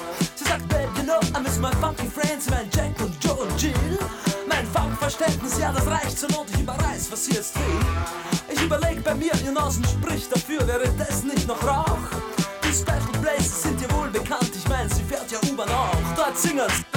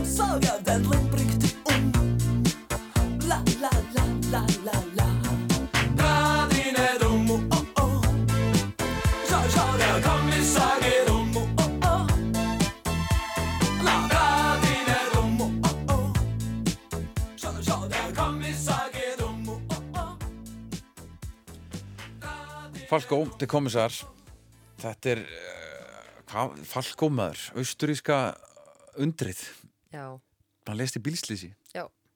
Hann, ég vissum að hann væri ábygglega að gera góða hluti að þá. Já, Ef hann, ef hann ég fannst hann rosalega skemmtilegur. já e- þetta er fín músík sko Já. Þetta er ágætt svona Gott pop. Gott pop, já. Já, rock me amateurs, það eru kannski fleiri sem að þekka það. Já, þetta er betra, Já, mér finnst það. Það er Já. eitthvað svona aðeins meira pöngið þessu. akkurat En síðustu tónleika sem þú fórst á Já, sko, ég þurfti aðeins að fletta í kollinum á mér. Hvað hefur verið síðustu tónleikar? Þú meina ringi manniðinn Já, ég meinti það. það var eiginlega það sem ég gerði. og, en ég, eftir talsverða yfirlegu, þá komist ég þeirri niðurstöðu. Ég þyrti að fara að fara á tónleika. Það verið oflátt sem ég hef gert það. mm -hmm. um, vegna þess að það, mér sýnist sem að síðustu tónleika sem ég hef farið og hafa verið með K.K. og Magga Einars einhvern veginn í haust Á Rosenberg Já. Já. Sem voru reyndar frábæri tónleikar ofslega skemmtilegir, Mhm. það gæti alveg verið að þeir hefði verið í sumar en ég held haust, það hljómar betur. Ætlar á Solstis á, á Radiohead? Mér langar rosalega. Já. ég bara, ég ætla að vona að ég verða á staðnum. Mhm. ég, þegar Massive Attack var hérna á Solstis Mhm. þá var ég ekki ég veist, ég komst ekki, ég man ekki hverju allir og ekki verið í útlöndum eða eitthvað. Ertu ert, ert, ert að fara til Fraklands og EM eða? nei, Nei. Ég bara held ekki sko, ég ég horfi bara á þessa leikisjónvarpinu og vona öllum gangi rosa vel. Mm Akkurat. En, en ég allavega, já, Radiohead mér finnst þetta, þetta voru mjög merkileg tíðindi að ég Mhm. var á leiðningað og Lói kalla Radiohead þunglindistónlistina mína sem er bara ekki satt en Nei. þetta sumt að þessu náttúrulega, þú veist, Kid A og svona hljómar svona kannski pínlítið niðurdreipandi Já, ég þarf að fá hanninga þá getið þið borið saman bækur ykkar. Já, einmitt, En ég held að þú vinnir sko. hann mun drepa þig úr country En það? já, ég, ég, get alveg, ég get alveg spila svolítið country fyrir þig sko, ég hlusta alveg á country Já, En veginn, það passa ekkit alveg inn í þetta skapalón hérna. Já. Ég var að spá í samt að setja country í, í karaoke-læð já til þess að fara bara alla leið með Dinga, hallarið. dinga, dinga, ding Já, einmitt.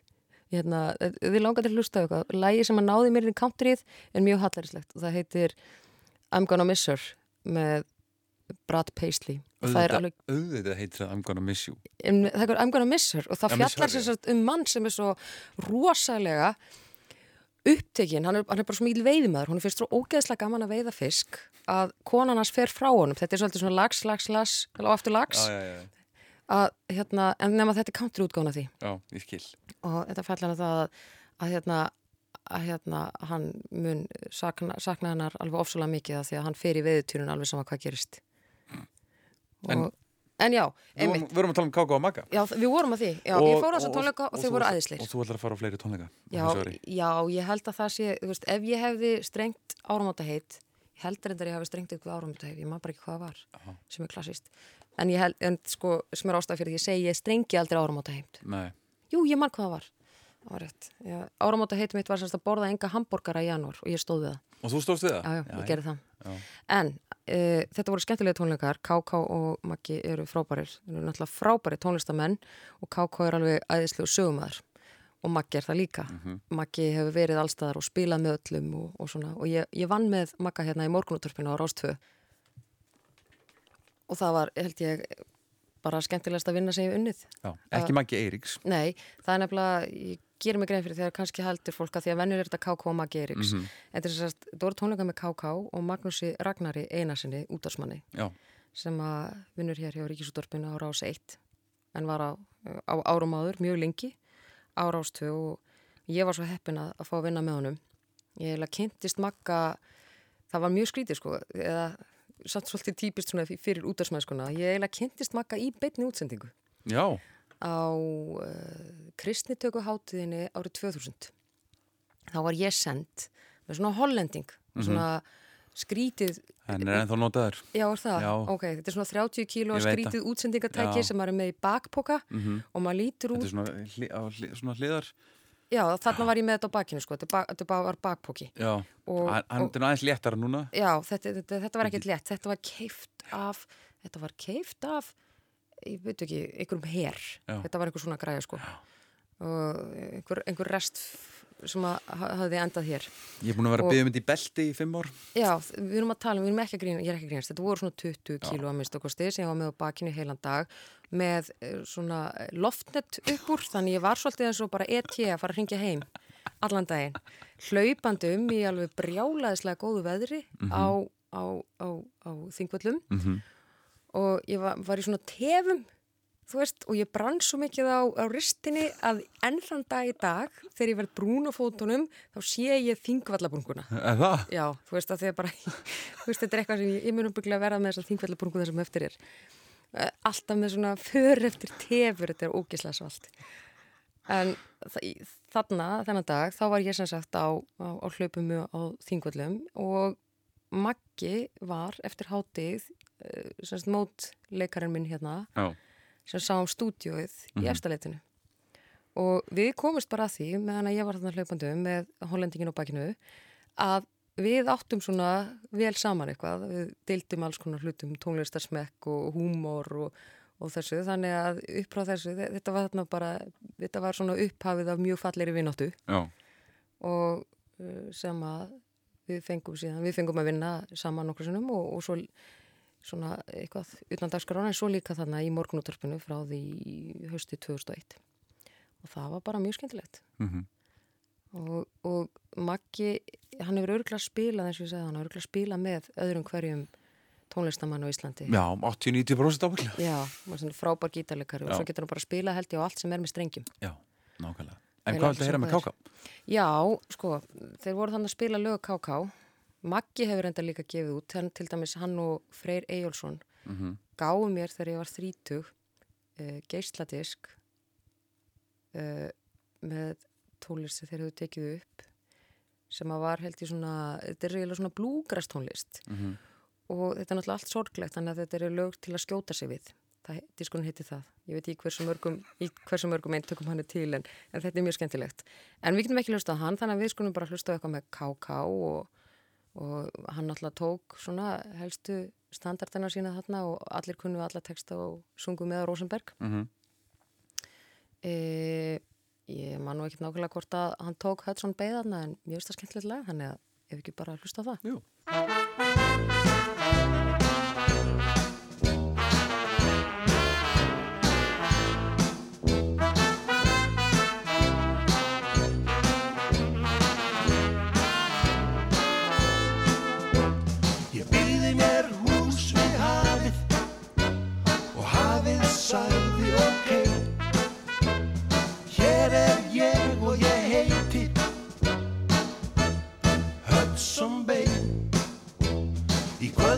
Þess hæláta húmi heyrði ég bylgjuna svo. Þannig er þessi heimur.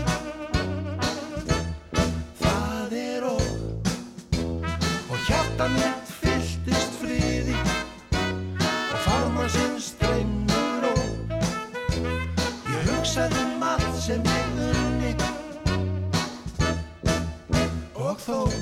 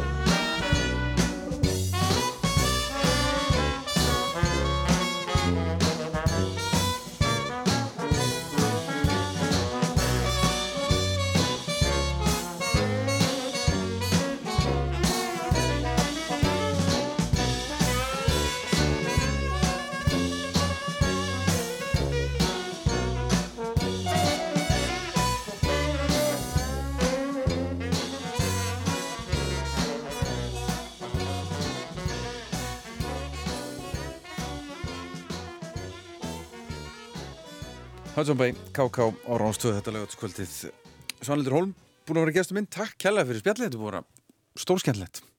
Þakka þér. Að- Fullt af finni músík. Já, þetta er búið að vera mjög gaman. Og hérna, þú veist, ég, þetta verður, þetta, verður aðrið svona ákveðnu fargi af mér létt að vera búin að koma þessu frá mér.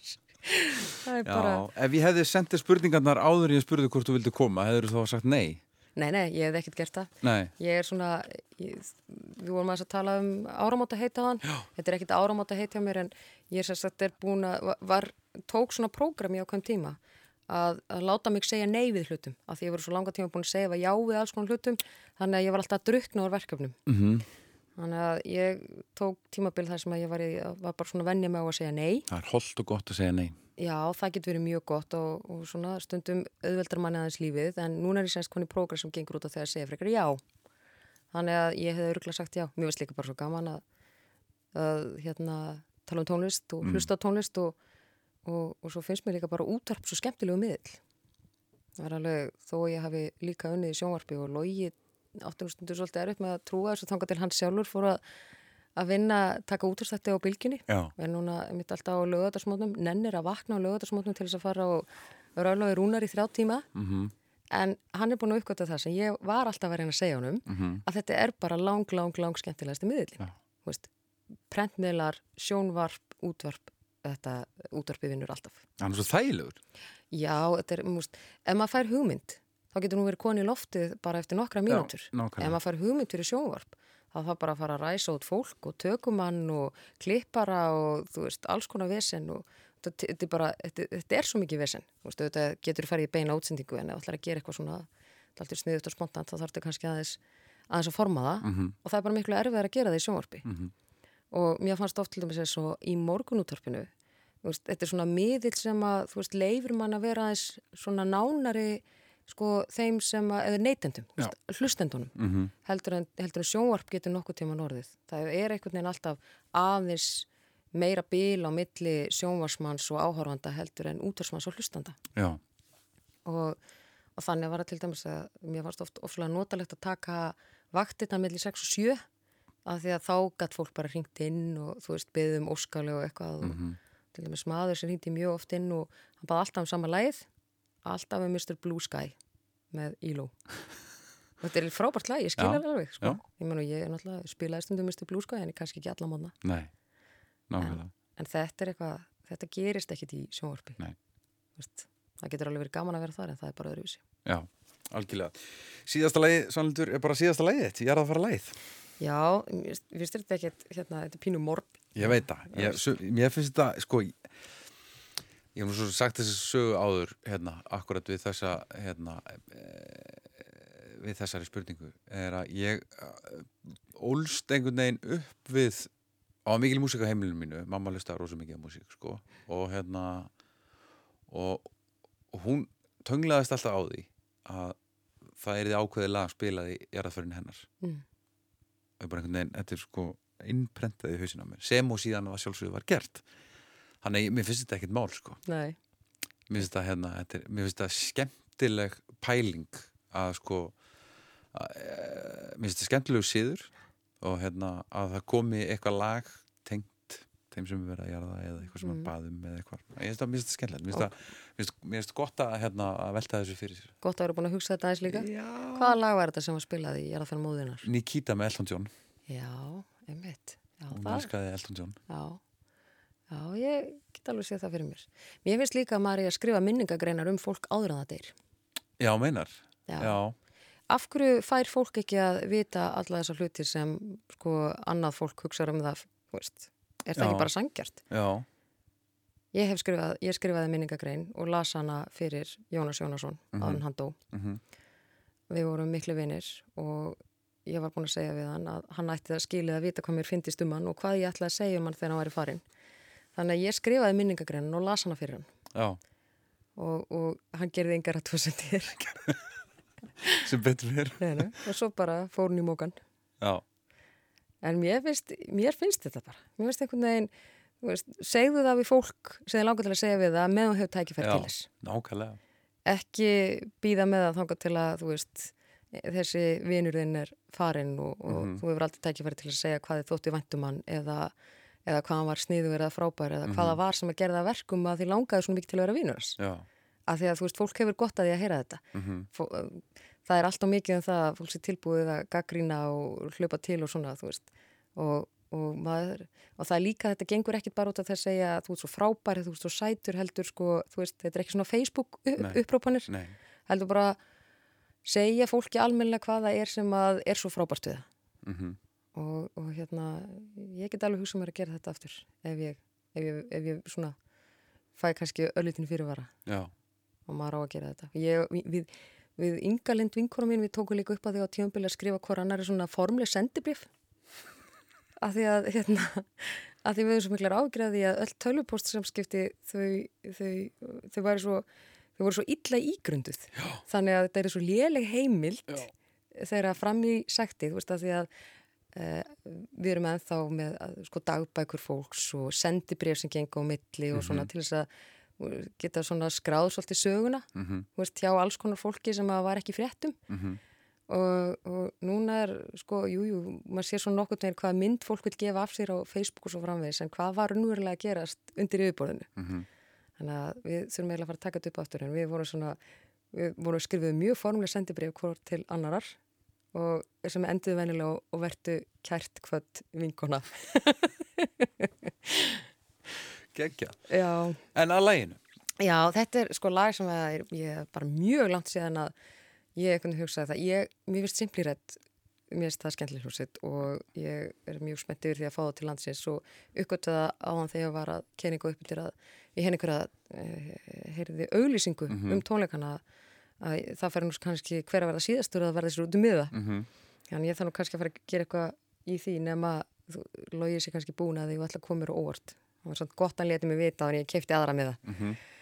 ef þú ert að hlusta lagi þá bara veistu af þessu en uh, jarðafæra lagi mitt er sem sagt með Simply Red og það Money's too tight to mention er já, ég mitt alveg krakkar þið fáðu ekki neitt nei, það er If You Don't Know Me By Now Já, þannig að þú tekur hérna húmórin já, Já. ég finnst þetta bara einhvern veginn þú veist, þetta er eitthvað, þú veist, það er í alveg þannig ef, sko, ef fólki tókst ekki að kynast Já.